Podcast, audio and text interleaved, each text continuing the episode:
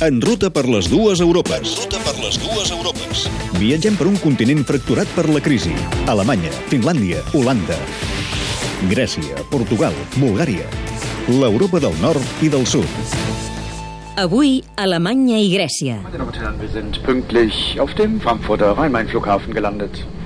Frankfurt, capital financera d'Europa, seu del Banc Central Europeu, del Bundesbank i d'una de les borses més importants del món. Hi conviuen més de 150 nacionalitats. Frankfurt és el símbol de l'Europa de l'euro, que fa més de 5 anys va entrar en crisi i que des d'Alemanya ha dictat receptes de reformes i austeritat a la resta del continent. Europa lernt ein neues Wort. Austerität. Den ersten Krisenstaaten geht es besser. A la televisió, reportatges i notícies recorden que la crisi es va originar a Grècia i va arribar fins a Espanya.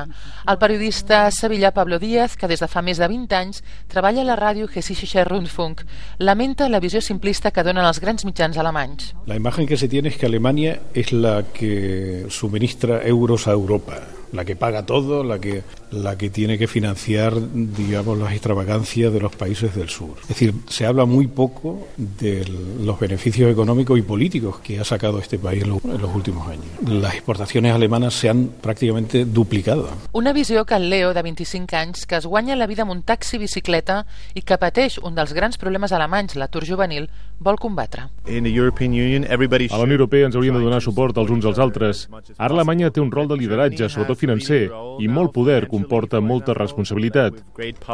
Com que Frankfurt és una ciutat internacional, aquí arriba molta gent per la crisi econòmica, gent d'Espanya, gent de Grècia. El partit Die Linke, opció d'esquerres molt activa en aquesta campanya alemanya, recorda també que els bancs alemanys han aconseguit beneficis milionaris amb els diners que li han prestat precisament als ofegats estats del sud. Ho tenen però difícil per fer forat amb aquest discurs.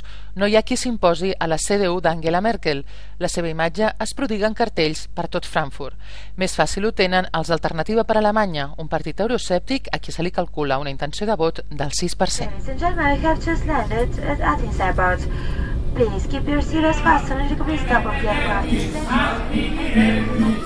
Arribar a Atenes, sortir del metro Monastirac i a la falda de l'Acròpoli escenifica la Grècia actual.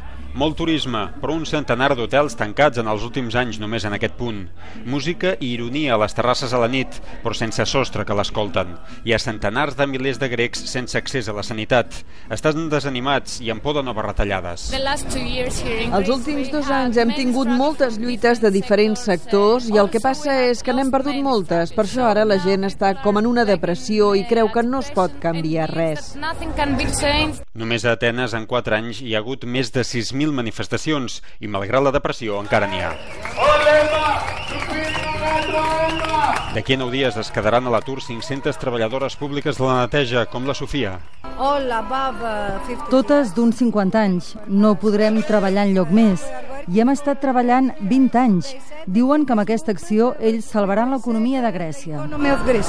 Aristotelia Peloni, editora política del Deri Tanea, afirma que a les eleccions europees es visualitzarà la polarització que ha provocat la crisi. Lo que ves es una polarización de dos extremos, la derecha y una parte de extrema derecha dentro de New Democracy y Syriza que es la extrema izquierda y un vacuum hay nada.